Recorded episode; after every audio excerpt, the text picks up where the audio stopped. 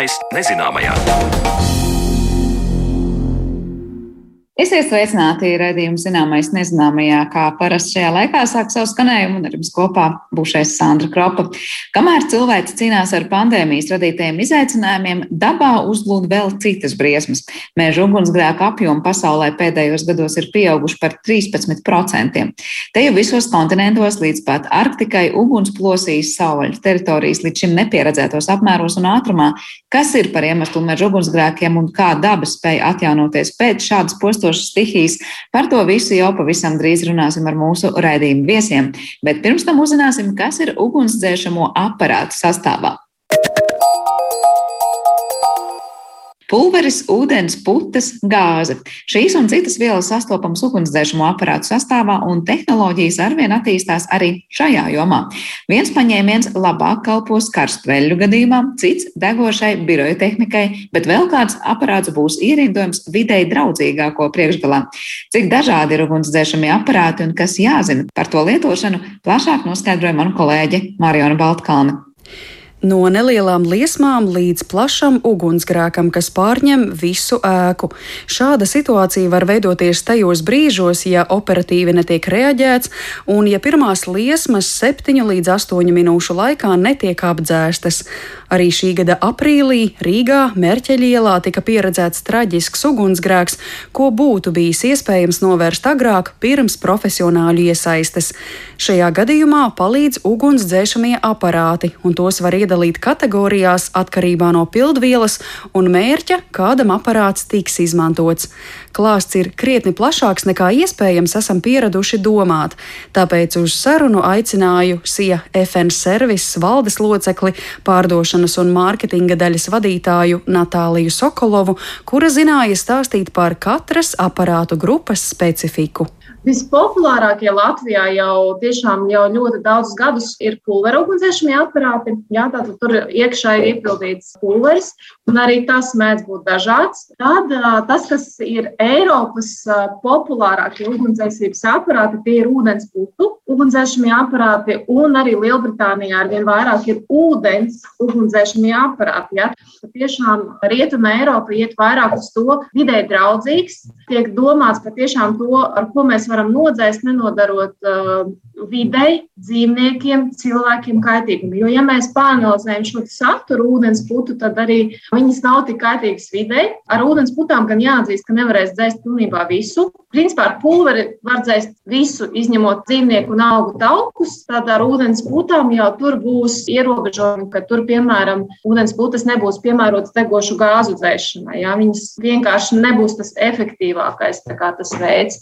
Bet tāpat laikā ar ūdens putām var droši dzēst visus cietos materiālus, šīs organiskās izcelsmes materiālus, piemēram, koku, papīru, jā, tātad tekstilu mierīgi var dzēst arī ar ūdens putām. Tāpat var droši pūstošus cietus priekšmetus. Šeit jau ar to domājot plasmas izstrādājumus, jā, tātad dažādus spirta, lakas, smērvielas, jā, tur arī pilnīgi droši var dzēst ar ūdens putām. Un viens fantastisks tāds atgādinājums, kad ar ūdens putām nav jābaidās dzēst elektroiekārtas līdz 1000 voltiem. Jo tas risinājums un tehnoloģijas ir pilnībā pārbaudīts. Ja, ja piemēram, varbūt vēl pirms 11 gadiem tiešām tas bija nerekomendējams, jo mēs zinām, ūdens vada elektrību, ja, tad šobrīd jau tiešām jau vairāk kā desmit gadus ražotāji ir izdomājuši risinājumu, ka drošā attālumā, no viena metra attālumā var droši dzēst arī ar ūdens putu jau ugunsdzēsmiem aparātiem. Nu, lūk, jā, un pieminēju šos ūdens ugunsdzēsības aparātus. Tie Latvijā Ja ir, visticamāk, viņi ir nopirkti kaut kur ārzemēs, jo Latvijā kaut kā mums nav iesakņojies šis ugunsdzēsības aparātu veids, bet, piemēram, ja kāds ir aizbraucis uz Lielbritāniju un ir lidostā, tad viņš pamanīs, ka uh, tur būs uh, vienmēr kombinācijas, tur vienmēr būs ūdens ugunsdzēsības aparāts, un visticamāk būs ogliskāpās gāzes ugunsdzēsības aparāts. Un tas būtu vēl viens ugunsdzēsības aparātu veids, ko gribu pieminēt - ogliskāpās gāzes aparāts. Jā, iekšā ir iepildīta ogliskāpā gāze, un tas dzēšanas princips šim ugunsdzēsības aparātam ir tas, ka tā ogliskāpā gāze, kas iznāk ārā, ir mīnus 60 grādu temperatūrā, Un līdz ar to sanāk, ka liesmu mēs vienkārši noslāpējam. Ja? Protams, arī tur ir šis moments, kad vairs nepiekļūst skābeklis. Bet ar ogliskābās gāzes aparātu īsti nebūs piemērota dzēst cietvielas, jā, tātad ar ogliskābo gāzi būs netik efektīvi dzēst koku, papīru, tekstilu. Tur tad attiecīgi visefektīvākais veids ir izmantot pulveri vai ūdens putas. Jā. Un ja mēs tagad ar jums veiktu eksperimentu un mums būtu jādzēš vienāda veida uguns liesmas, tad mēs redzētu, ka tiešām atšķirās tas, ko mēs dzēšam un ar ko mēs dzēšam. Visiem uzņēmējiem un cilvēkiem, kam ir elektroiekārtas piemēram, smalki datori, serveru telpas. Jā, tātad tur, kur ļoti svarīgi ir ātri lokalizēt ugunsgrēku un kur ir svarīgi nesabojāt kaut kādas mikročipu daļiņas, tad ogliskābo gāzi to ir darīt vislabāk. Jā. Nevelti arī vairākas gāzes dzēšanas sistēmas tiek uzstādītas muzejos, jā, kur ir šis kultūra vēsturiskais mantojums. Tas ir tieši dēļ tā, ka dzēšot ar gāzi, mums ir iespēja pilnībā nesavainot ja, tos objektus, elementus, kas atrodas tajās telpās. Nu, protams, tik daudz, cik uguns pats iznīcinās, ja, bet neko vairāk. Kā redzams, tad pulveru, ūdens, ūdens putu un gāzes aparātiem katram būs savas priekšrocības. Būtiska ir arī dzēšanas seku likvidācija. Pulveris iekļūs visās plaisās, to būs grūti savākt kopā pēc liesmu apdzēšanas, un tas prasīs laiku. Dzēšot ar ūdens putām ir diezgan viegli savākt visu, kas palicis pāri. Visbeidzot, ogļskābās gāzes sekas vispār nejūt. No gāzes pāri paliek vien balta sarma.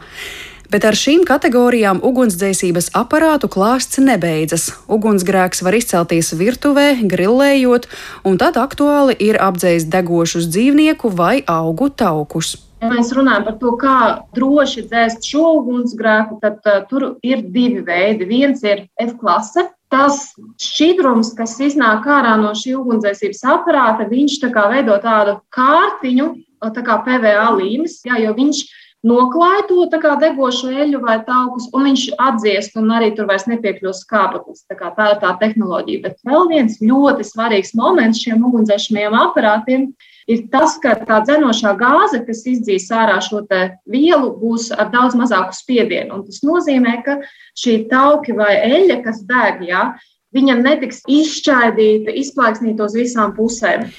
Kā vēl vienu absolūtu inovāciju Natālija Sokolova nosauc ūdens miglas ugunsdzēsības aparātus kā alternatīvu F klasei. Latvijā tie ir unikāli eksemplāri.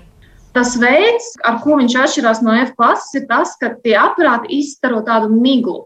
Un principā tur ir tāds ļoti, ļoti draudzīgs šķirums, teiktu pat ūdens, jā, kam ir mazliet ķīmiskais sastāvs tur ir, bet tā noteikti nav tāda ķīmiskā viela, kā tas ir jau pieminētajos F-klases šķidruma aparātos. Drīzāk ūdens ir vairāk, lai viņš tur nesakaļķotos, kamēr aparāts netiek lietots. Un tad, kad mēs sākam lietot to aparātu, viņš izdod tādu miglu, tādu miglu rasu, un tā rasa atdzesē tās ugunsliesmas arī ļoti drošs ugunsdzēsības aparāts. Protams, kāpēc viņš nav iedzīvojies noteikti Latvijā vai Baltijā, ir noteikti šis cenu aspekts. Saražot šos miglas uh, ugunsdzēsības aparātus ir vajadzīgi nu, nemazums līdzekļu. Tur arī ir daudz sarežģītākas rezerves daļas, kas tiek izmantotas aparātu ražošanā. Nevelti pulveru ugunsdzēsības aparāti ir iekarojuši mūsu tirgu. Ja mēs skatāmies uz cenu segmentu, tad, jā, pulveru ugunsdzēsības aparāti, tas ieguvums, ja, ko mēs varam nodzēst pret to cenu, tad sanāk ir visizdevīgākais. Nu, tik jaudīgus kā pulveru ugunsdzēsības aparātus ar tādu veiktspēju dzēst ugunsgrēkus, nu, neviens ugunsdzēsības aparāts nevar nodrošināt cits. Ne ūdens putas, ne F klase, ne arī ogliskābās gāzes. Lai gan Latvijā ir liels īpatsvars ar pulvera ugunsdzēsības aparātiem, tendences ir pozitīvas, jo cilvēki gūst informāciju, sāk par aparātiem interesēties vairāk, seko līdzi tehnoloģijām un netik daudz koncentrējas uz cenu. Vēl pirms pieciem gadiem ūdensputu aparātu Latvijā bijis maz, bet tagad jau novērojams vairāk. Turklāt arī likums nosaka vajadzību pēc konkrētiem aparātiem, piemēram, restorānā, kur pastāv tauku ugunsgrēku risks. Tāpat tiek regulēta aparātu atbilstība konkrētām klasēm, vai vienkārši sakot, kāda ir aparātu jauda. Lai neapmulst, jā, tad ugunsdzēsības aparātiem uz informatīvās etiķetes ir norādītas ugunsdzēsības, jeb ugunsgrēku klases, kurām viņš ir paredzēts. Uz pulvera uh, ugunsdzēsības aparātu informatīvās etiķetes tur būs jau norādīta A, B un C šīs klases. Jā, tātad, nu, visplašākais diapazons. Uz uh, ūdensputu ugunsdzēsības aparātu informatīvās etiķetes būs A un B dzēšanas klase, uz uh, ogliskāpās gāzes būs visticamāk B.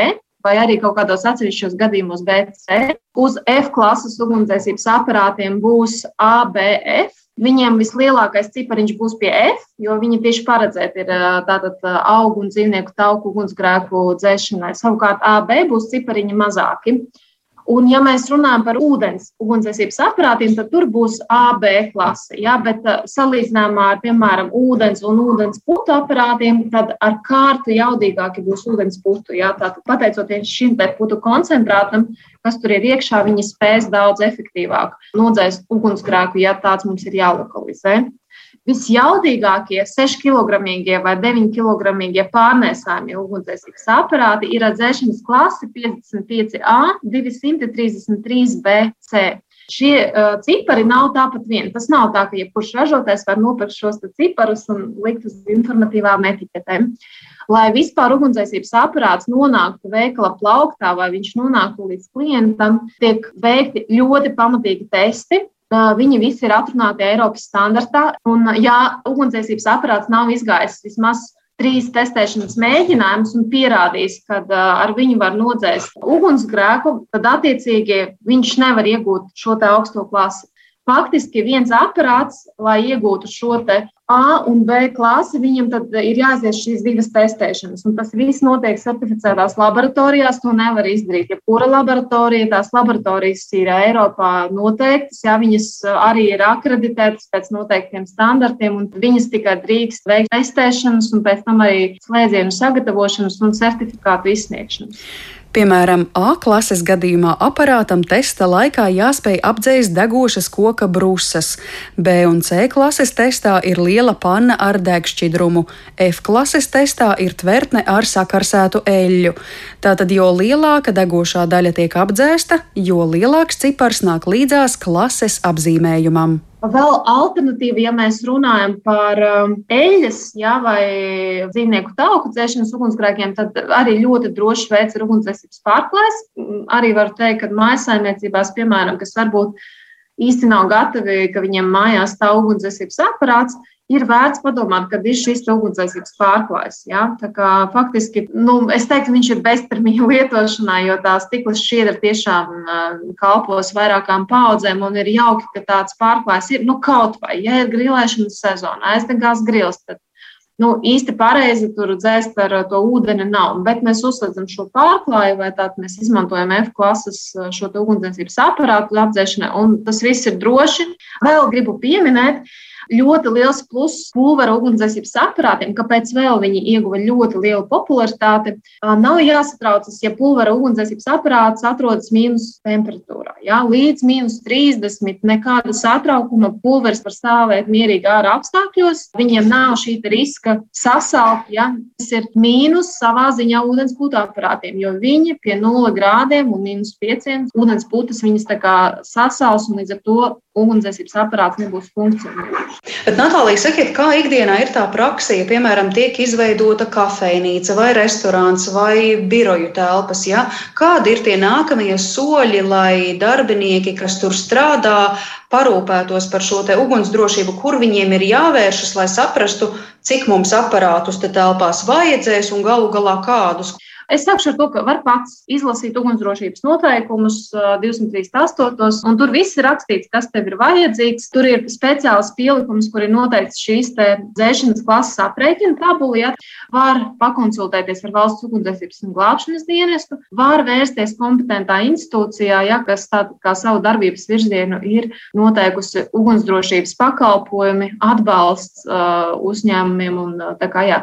un tos izlietotos aparātus jau var uzpildīt izdalīt eh, atkārtot pareizi tos konteinerus, jau nevis vienkārši ārā. Tieši tā, un tas ir ļoti atbildīgi. Tā rīkoties nevis viņu izmest ārā kaut kur miskastē, bet viņu atvest uz uh, servisu, uzpildīt un uh, dot ugunsdzēsības aparātam kalpot tālāk. Ja? Tā kā jā, aparāti, principā, ja par viņiem rūpējas pareizi, tad viņi var ļoti ilgus gadus kalpot. Un, protams, galvenais ir atcerēties, ka ugunsdzēsības aparāts nav spēļmanta, tā ir spiediena iekārta, kura ir jāpārbauda ar noteiktu regularitāti. Nu, kā jau ar automašīnu? Jā, tātad par automašīnu mēs nekad neaizmirstam aizvest pēc noteiktiem kilometriem uz servisu. Nu, līdzīgi ir ar ugunsdzēsmiem aparātiem. Par tiem arī ir jāparūpējās. Par ugunsdzēšamo aparātu sastāvu izmantošanu un inovācijām stāstīja SIA FN servis valdes locekle pārdošanas un mārketinga daļas vadītāja Natālija Sokolova, ar kuru attālināti sarunājās Mariona Baltkalna. Bet kamēr cilvēks no liesmām mēģina atbrīvoties ar piemērotiem aparātiem, dabā plašākā izpratnē liesmas var gan kaitēt, gan radīt labumu. Par to visu runāsim raidījuma turpinājumā.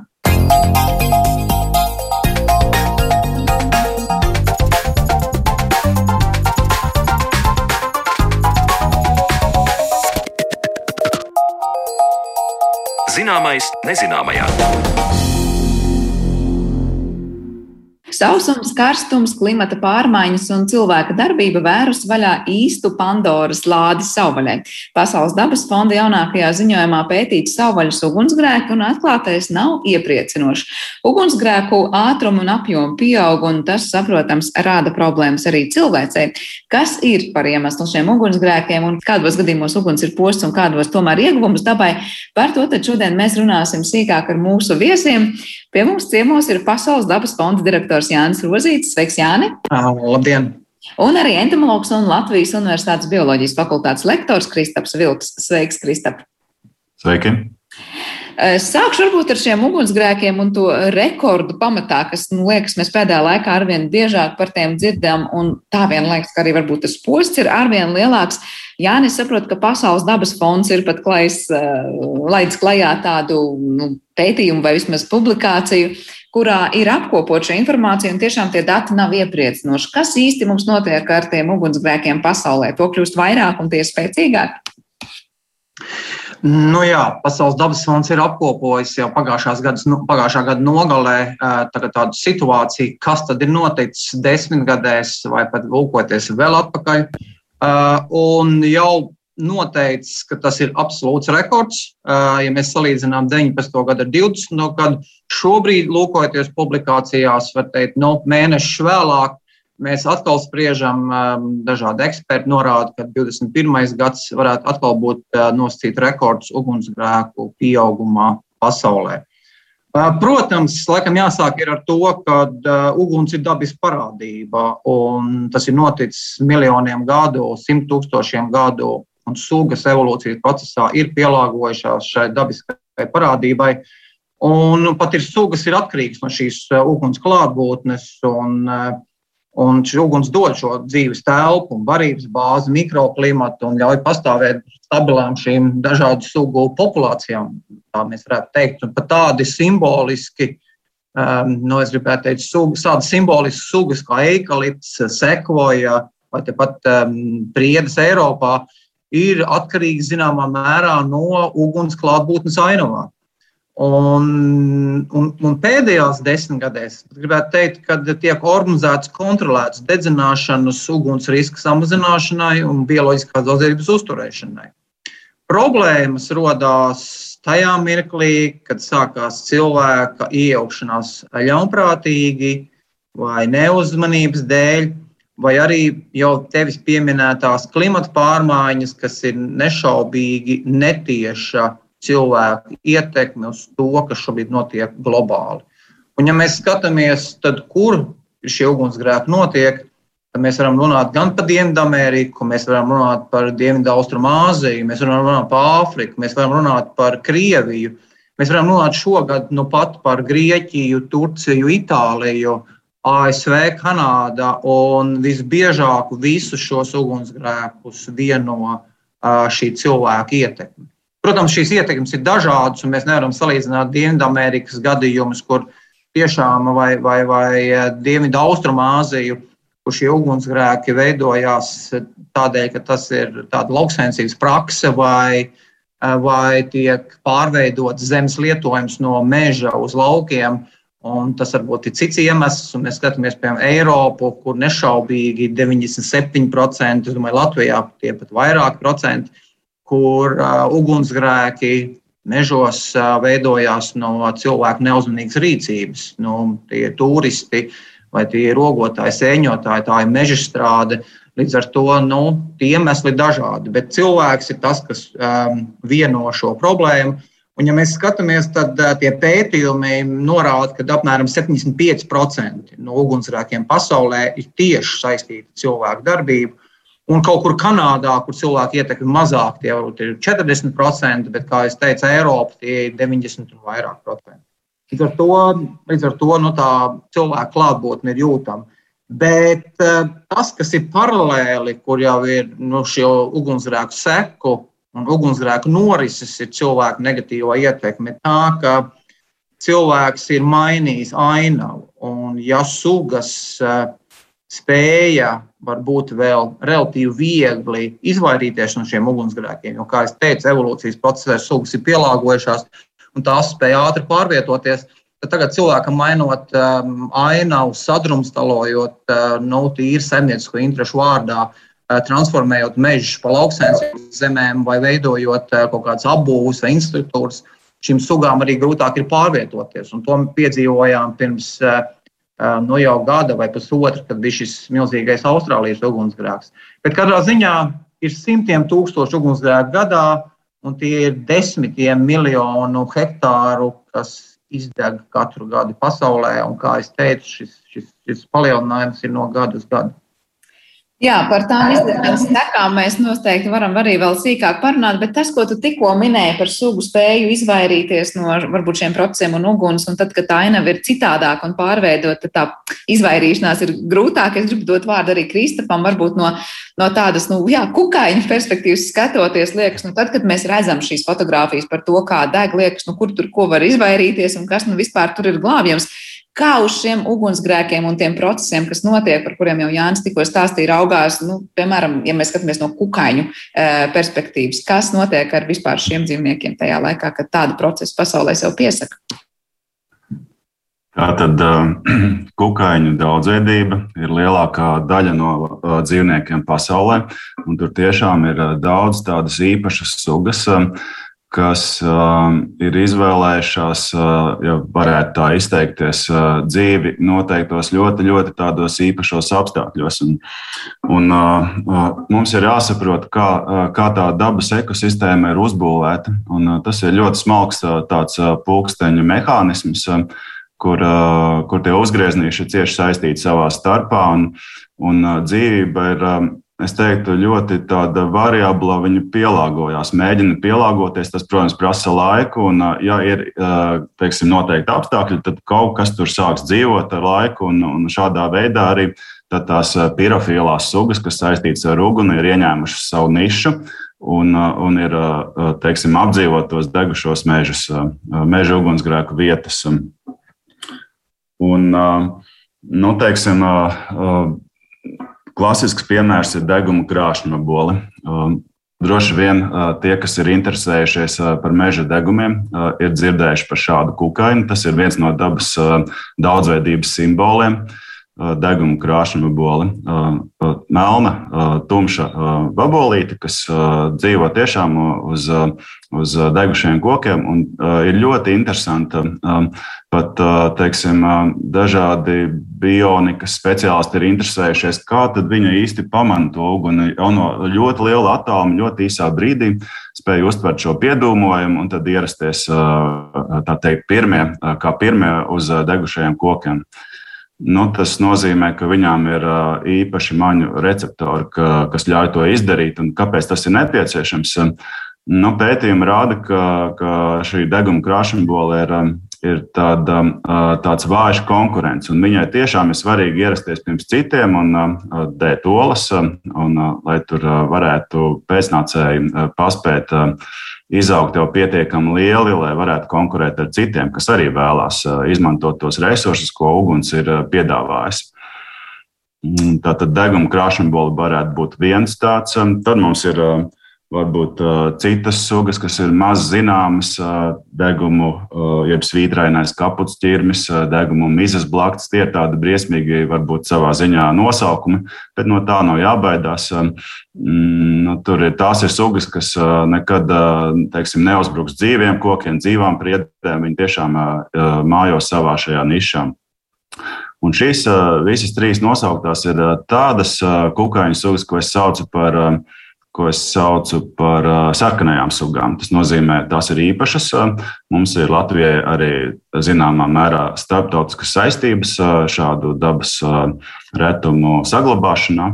Un šīs, jāsaka, ir tiešām Eiropas līmenī vienas no apdraudētākajām sugām, jo daudzu desmitgažu laikā Eiropā kopumā ir mazinājušās vietas, kur tās var izdzīvot. Nu, un, No pirms minētā es saprotu, ka e, tās sugas, kurām to uguni ļoti vajag, ja tā var teikt, e, ir tās, kuras ir tādi, nu, diezgan grūti viņām ir cīņā ar citām sugām par kaut kādu savu vietu, dzīves telpu un resursiem. Tad tās tādas vāji konkurenti, kā tu teici. Eh, bet tajā pašā laikā nu, šīs sugas veids kaut kādu noteiktu nu, uzdevumu dabā. Nu, piemēram, nezinu, kaut ko noārda, kaut ko atnes, kaut ko aiznes. Tā var teikt, nu, kā mēs varam iedomāties šo sugu tādu vietu vispār kopīgā ekosistēmā. Nu, katrai sugai, kā jau teicu, tas ir smags pulksteņa mehānisms, un uh, tur tas uh, noārdīšanās process, uh, resursu atgriešana. Kukaiņi kopā ar sēnēm veids šo koksnes atgriešanu teikt, atpakaļ, lai varētu nu, tās, tās vielas aiziet atkal apritē ekosistēmā. Mm, bet, bet papildinot to par tām trī, trīs sugām, ko es minēju, tās ir pirofilās sugas, bet uh, uguns loma uh, saistībā ar, teiksim, ar tādiem kukaiņiem, un ne tikai kukaiņiem, tur ir arī citas sugas, augi, teiksim, sēnes un citi. Uh, Jā, jāsaprot, ka tā uguns ir tāda ar ilgstošu ietekmi, un tad pēc tam sākās tā daudzveidība. Izveidojās atmešā koksne. Katra ceturtā, piektā mežā sastopamā suga ir saistīta ar šo atmešo koksni. Tas jau nāk gadus teiksim, pēc šī deguma, un tad uh, ir iespēja dzīvot tādām sugām. Tālāk gaisma. Mūsu meži ļoti daudz kur ir, es teiktu, tādi noēnoti. Un, savukārt, ilgstošā laika periodā daudzi dzīvnieki ir pielāgojušies gaisiem, gaišiem, tādiem saules labi izgaismotiem priežu mežiem. Nu, lūk, un šādas sugas arī iegūst no šī visa. Tur, tur var augt teiksim, silpurenes vai teiksim, nu, nu, plakans, taipekņi un dzīvot lielie un skujkoku dižkoks un grauži, par kuriem mēs kādreiz arī esam runājuši. Un, nu, tā tad tas jau nāktu pēc tam vēl. Līdz ar to es negribētu teikt, ka dažreiz, dažreiz tiek nepamatot uzsvērts, ka mēs domājam par kādu vienu kukaiņu sugu. Un aiz, nu, teiksim, nu, nesaprotam, ka tas ir tikai tāds ilustratīvs piemērs tai lielajai daudzveidībai, kas stāv, stāv aiz uguns sausos priežu mežos vai, teiksim, periodiski pārmitros mežos kā grīņos. Tātad, nu, To es gribēju akcentēt. Tas, protams, saistās vairāk ar tām sugām, tad, kuras ir atradušas to vietu un kurām ir šī īstā vieta. Ja mēs runājam par ugunsgrēkiem, varbūt tas ir dabiski notikt. Bet tas, ko Jānis sākumā minēja, tad, kad mums to ir tik daudz, varbūt cilvēku darbības izraisīt, nu, kaut vai neuzmanīga rīcība mežā vai kur citur tā tuvumā, kā tu vērtētu tad, tas posms, ko šī uguns nodara šobrīd pasaulē? Ļoti ietekmē daudz vairāk, tad nu, kaut vai šīs pašas kukaiņu populācijas un daudzveidības, ja mēs skatāmies, nu, cik daudz šī uguns noposta tur, kur varbūt dabiski tā nebūtu bijusi. Vai kukaiņu pētnieki satraucas par šiem datiem, ko mēs dzirdam no pieņemsim Pasaules dabas fonda? Jā, nu tā tad šī, šīs sugas, par kurām stāstīju, ir, ir uguns sugas, sarkanās sugas, kas saistītas ar degumiem, bet, protams, ir citi kukaiņi, kas zināmā mērā aiziet arī, protams, bojādegšanas rezultātā. Uh, Nu, to nevar noliegt, bet te atkal jāliek uz svaru kausiem teiksim, šīs sugas, kas parasti ir bieži sastopamas, plaši izplatītas. Un, un kaut kāda populācijas daļa zināmā mērā cieši no tās uguns. Un tad ir tajā otrā svaru kausā tādas sugas, kas nevar izdzīvot bez tās uguns. Un, un, nu, tad, ja nav tās uguns, tad viņa, viņas ir pakļautas tādai lēnai nāvei, es varētu tā teikt, jo nav vairs mājas, kur dzīvot. Un, uh, un te ir noteikti arī, es piekrītu Jānim, uh, pašā sākumā, teikt, uh, kurš teica, ka tad jānodala divas lietas, ir ne, šī nekontrolētā uguns. Un mēs arī redzam, kur, kur Latvijā tas notiek. Bieži vien tas ir lielo pilsētu apkārtnē. Un es teiktu, arī bieži vien tādās vietās, kas dabiski nekad, nevis nekad, bet nu, ļoti reti ar mazāku varbūtību varētu degt. Un, un ļoti bieži tas notiek tiešām pie ceļiem, ceļmalās, upju malās, ezeru malās, kur ir, kur ir atpūtas iespējas un, un tātad šī neuzmanība. Un es noteikti norobežojos no šīs nekontrolētajiem meža degumiem. Nu, ir jādomā, kā tos novērst un ierobežot, bet tajā pašā laikā domājot par dabas aizsardzību, teiksim, aizsargājumām dabas teritorijām, tur jāpatur prātā, ka uguns ir teiksim, stāv aiz dabiskā, dabiskā meža. Nu, tas ir ļoti raksturīgi daļai no Latvijas mežiem, kā Ziemeļa Eiropas meža sastāvdaļai. Mhm. Jā, es redzēju, ka tu vēlies ko teikt vai piebilst. Jā, tikai nu, tā paplašinot um, Kristapam teikto, nu, mēs varam tā tipiski piemēri nu, no Latvijas. Varbūt Latvijā klausītājiem varbūt grūtāk uzreiz ir tā iztēloties, mežs de, ir degošs vai nedegošs, bet nu, tā visi laikam zina, piemēram, Amazoni un ir dzirdējuši par, par Amazonas baseinu, kas ir nu, nedegošs mežs. Un, un kādā ātrumā šis mežs saplok, šis mašsavs saplok tieši dēļ šīs, nu, es gribētu teikt, dedzināšanas, apzināts cilvēku dedzināšanas. Uh, Un te nu, ir tas piemērs, un itin bieži arī diskusijās jautā klausītāji vai, vai, vai dalībnieki, nu, pēc cik ilga laika tas mežs atjaunosies. Un domājot vegetāciju, un, un tas, ko Kristaps saka, un kā varētu domāt, kad daudzas sugas uztver tieši šo uguni kā atjaunošanos. Bet nu, cilvēks nereti uzdod jautājumu, nu, ja nodegt, pēc cik laika tad atjaunosies. Un, uh, Un tad mēs varam atbildēt, ja mēs, domājam, mēs izprotam, ka, ja, ja runa par vegetāciju vai kokaudzes, tad mēs varam diskutēt, izējot no tā, cik intensīvs ir šis degums, vai tie būs nu, pārdesmit gadi, vai tie būs simts un divsimt gadi, izējot no tā, kas tur nodedzis. Bet, ja mēs atgriežamies pie Amazonas, tad nu, iespējams, ka šī atjaunošanās būs, atjaunošanai būs nepieciešama vairāk simti gadi. Vai turpat var, var būt stāsts par to, vai vispār spēs atjaunoties um, šīs, šīs izdegušās platības, kuras pēc būtības ir nedegošas.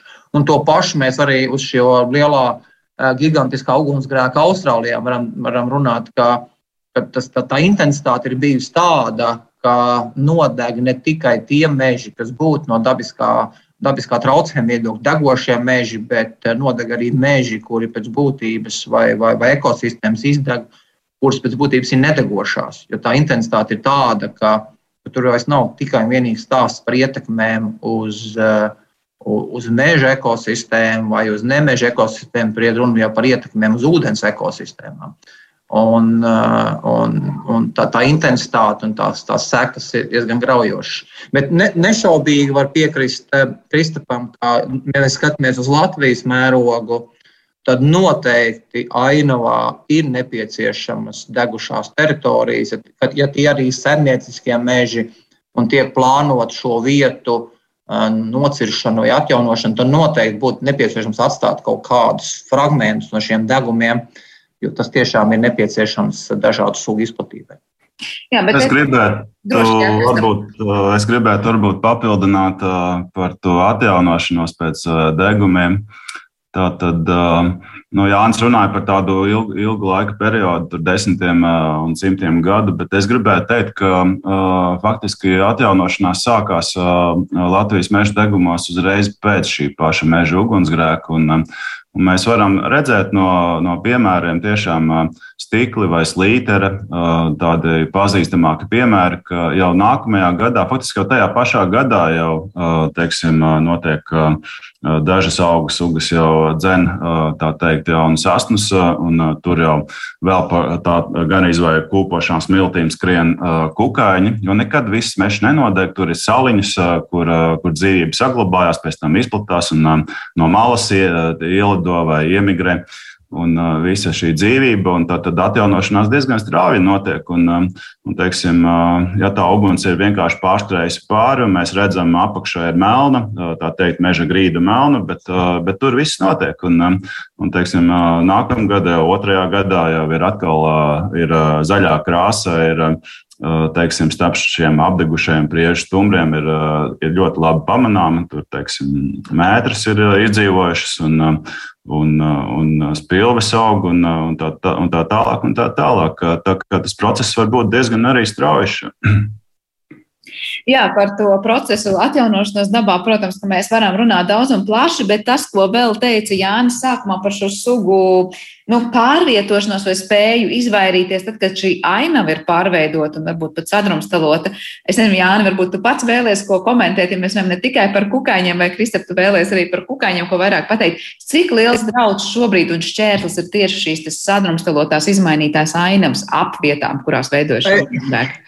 Es domāju, ka varbūt tādā, nu, Kristaps varēs varbūt pakomentēt no tādas suga attiecību viedokļa. Es nedomāju, ka tas ir vēl šobrīd, varbūt Latvijas izaicinājums. Mēs arī, protams, domājam un, un, un skatāmies, kā mums tā aina veidojās Latvijā. Protams, ka arī ar vienu tiek intensificēta lauksaimniecība, apgūstot teritorijas, mežsaimniecības, kailcirds un tam līdzīgi. Protams, tas ir kaut kādas izmaiņas ainavā. Bet, ja mēs skatāmies uz tiem lieliem notikumiem, um, kā jau sakau, pieminēja to pašu Austrāliju, tad tur jau bija tie vērojumi, tādi, nu, kas, teikt, kas zināmā mērā arī pārsteidza pašus tos ekologus, um, vērtējot un sekojot līdz notikumiem. Jo dzīvnieki iet ārā, no uguns stress jau ir šiem dzīvniekiem, bet viņiem pieaug vēl stress, nonākot cilvēku vidē, ciematos vai, vai, vai kaut kādās nemeža atvērtās teritorijās. Tāpat laikā dabiski ienaidnieki uzbrūk vienkāršāk un vieglāk ietekmē šīs eh, bēgošās sugas. To, nu, tur iestājās tādi procesi, kur varētu jau pēc būtības jau praksē pārnest bioloģijas eh, rokas grāmatas par to, kā notiek šīs izmaiņas suga attiecībās, kādas ir šīs, šīs norises ekosistēmas pie šāda rakstura traucējumiem. Bet, ja, protams, ir, tas ir kaut kas cits, un Latvija ar, ar, ar šī brīža varbūt to ainavu nu, ir nedaudz citādāks tas, tas, tas uh, dizains un tie notikumi varētu būt uh, pilnīgi citādāki. Mums arī nav tāda mēroga ugunsgrēki. Šeit, ja mums ir nu, hektāru vidēji, hektārs divi, um, hektāru liela ugunsgrēka, varbūt ar atsevišķiem izņēmumiem, uh, nu, purvu ugunsgrēki vai, vai kaut kur kaut kādās noslēgtākās teritorijās, bet uh, tur nu, šie ugunsgrēki, protams, ir citādākiem. Tie ir tūkstošiem hektāru lieli, vai, vai, vai, vai Krievija, kur deg um, 16 miljonu hektāru. Uh, nu, tas, protams, ir kaut kas pilnīgi, pilnīgi cits un, un citu, citu mērogu notikumu. Ja mēs runājam ne par Latviju, bet, piemēram, nu šobrīd aktuālais, kas uh, dzirdējām Grieķija, Itālija, Turcija, tad šie ugunsgrēki. Uh, tur bieži izskanēja, ka ir nebijis karstums, ilgstošs un sausums šovasar arī Grieķijā. Jāni, vai tas nozīmē, ka, piemēram, šie ugunsgrēki ir tipisks piemērs, kā klimata pārmaiņu radītās lietas liek par sevi uh, domāt un runāt? Jā. Noteikti. Šobrīd noteikti nu, Pasaules dabas fonda viedoklis globāli ir, uh, un es domāju, noteikti arī tam piekrīt daudz zinātnieki, uh, uh, it sevišķi klimata pētnieki, kad pieaugušais ugunsgrēku īpatsvars ir saistīts ar klimata pārmaiņām. Un nešaubīgi šobrīd tiek iezīmēti trīs virzieni, kas veicina šo uguns klātbūtni Proti, pirmkārt, ir zibens un negaisa ietekmes pieaugums, un tiek atsevišķās, globāli atsevišķās daļās tiek vērtēts, ka pieauga šīs zibens īpatsvars nu, 2 līdz 4% katru gadu.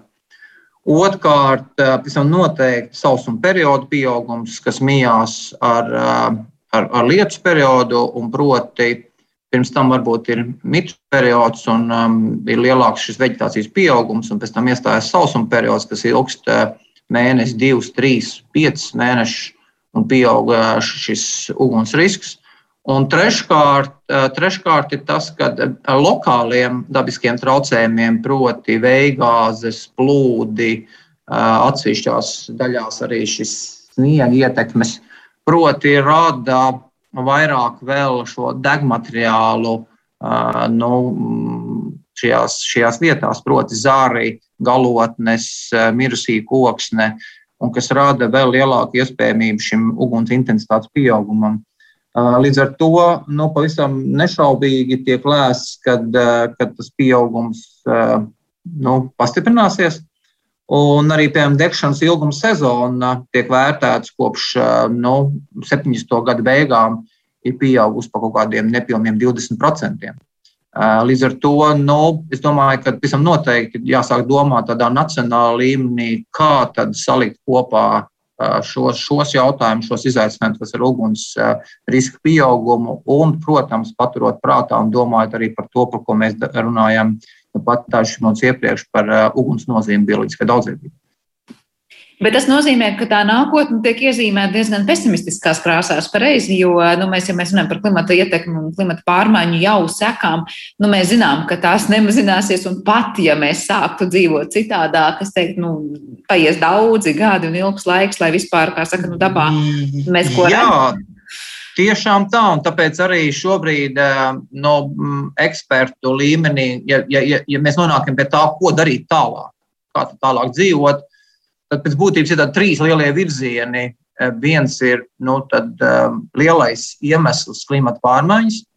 Domājam par to, mēs, kā mēs mazinām šīs ietekmes. Paralēli uzreiz ir arī klimata adaptācijas.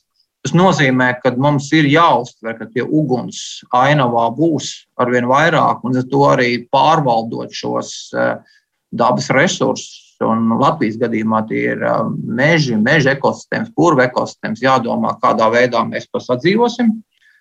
Pasaulē, protams, es domāju, es, es, es prognozēju, ka pieaugs kontrolētās dedzināšanas īpatsvars, jo tiks organizēta kontrolēta dedzināšana, lai, nodrī, lai, lai mazinātu riskus apdzīvotām vietām un materiālām vērtībām kopumā. Proti, ik pa gadiem veids šo kontrolēto dedzināšanu un līdz ar to ietekme ugunim samazinās, nu, nav vairs tik liela mēroga ugunsgrēka. Un nākamais, protams, lokālie preventīvie pasākumi, un tālāk mēs nonākam tīri līdz individuālām atbildībām. Un beigās nonākam, kad mēs jau uzturam šos Amazonas ugunsgrēkus ar savu došanos uz veikalu, un pērkot preces tās, kuras mēs pērkam. Vai tā ir Amazone vai Indonēzija, nu, tas ir tiešākā veidā ir mūsu brokastu vai vakariņu galds. Jā, tas ir tādi mazie solīši, protams, tajā līmenī skatoties, kā mēs šobrīd tos ietekmējam, bet idejiski, protams, tas, kā saki, Kristofai, tu gribēji piebilst vēl kaut ko pie šiem nākotnes prognozēm un to, kā izskatīsies dažādas, es nezinu, mūsu aktivitātes, ko darīsim un kā darīsim, lai nu mazinātu tos riskus, ar kuriem, kā Jānis teica, nu saskarsimies nākotnē. Manā kompetencē vairāk vairāk tie dabas jautājumi un, uh, un tā, tās, teiksim, šī, šī dabas daudzveidība. Un uh, arī šajā ziņā tur ir um, daudz jautājumu un neskaidru lietu. Tātad no vienas puses prognozējams, ka, uh, ka ugunsgrēku skaits mežos palielināsies gan klimata pārmaiņu ietekmes rezultātā, gan cilvēku darbības rezultātā. Un, um, Nu, no otras puses, savukārt, ir šī te, šīs dzīvotņu iz, izmaiņas prognozējamas arī turpmāk, tuvākajā nākotnē, vismaz noteikti, acīm redzot.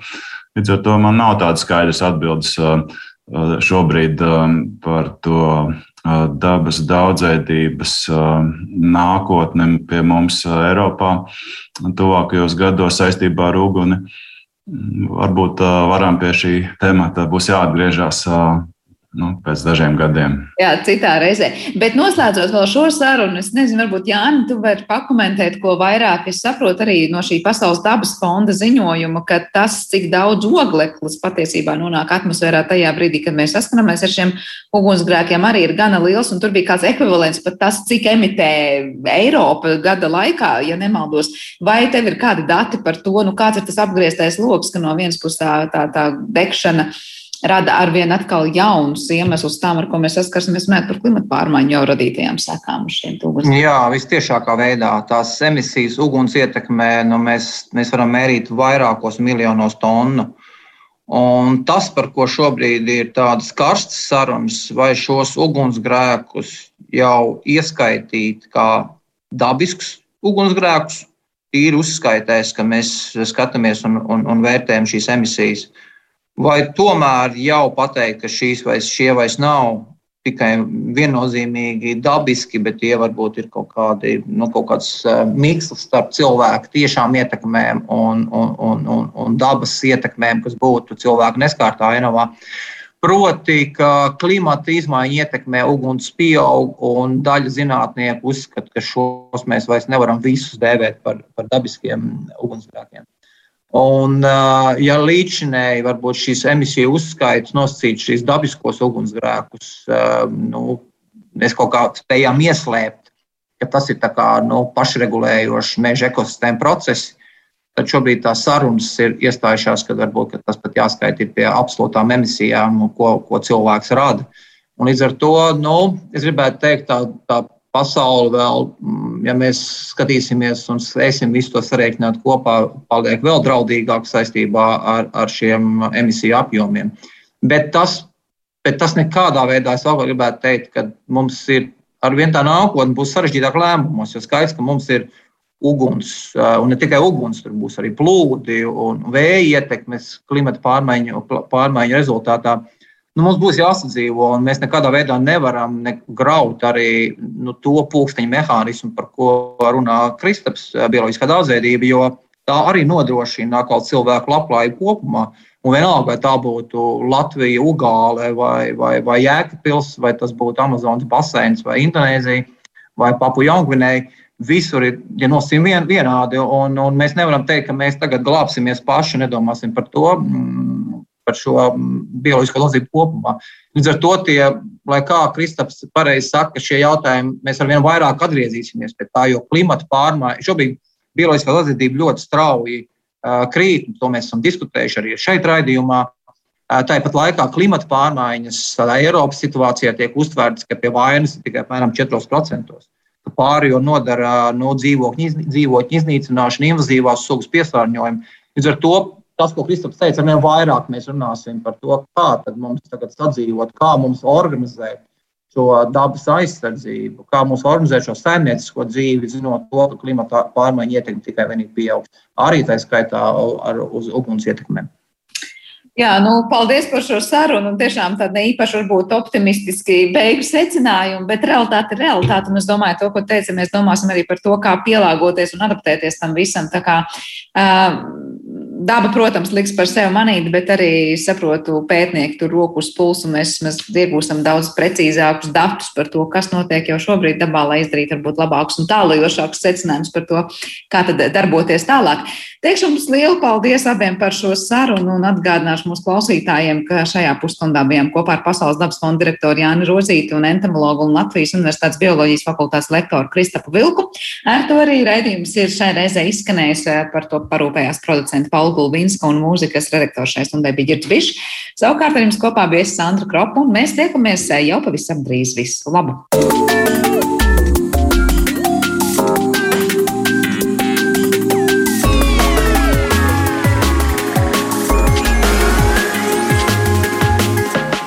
Zināmais nezināmajā.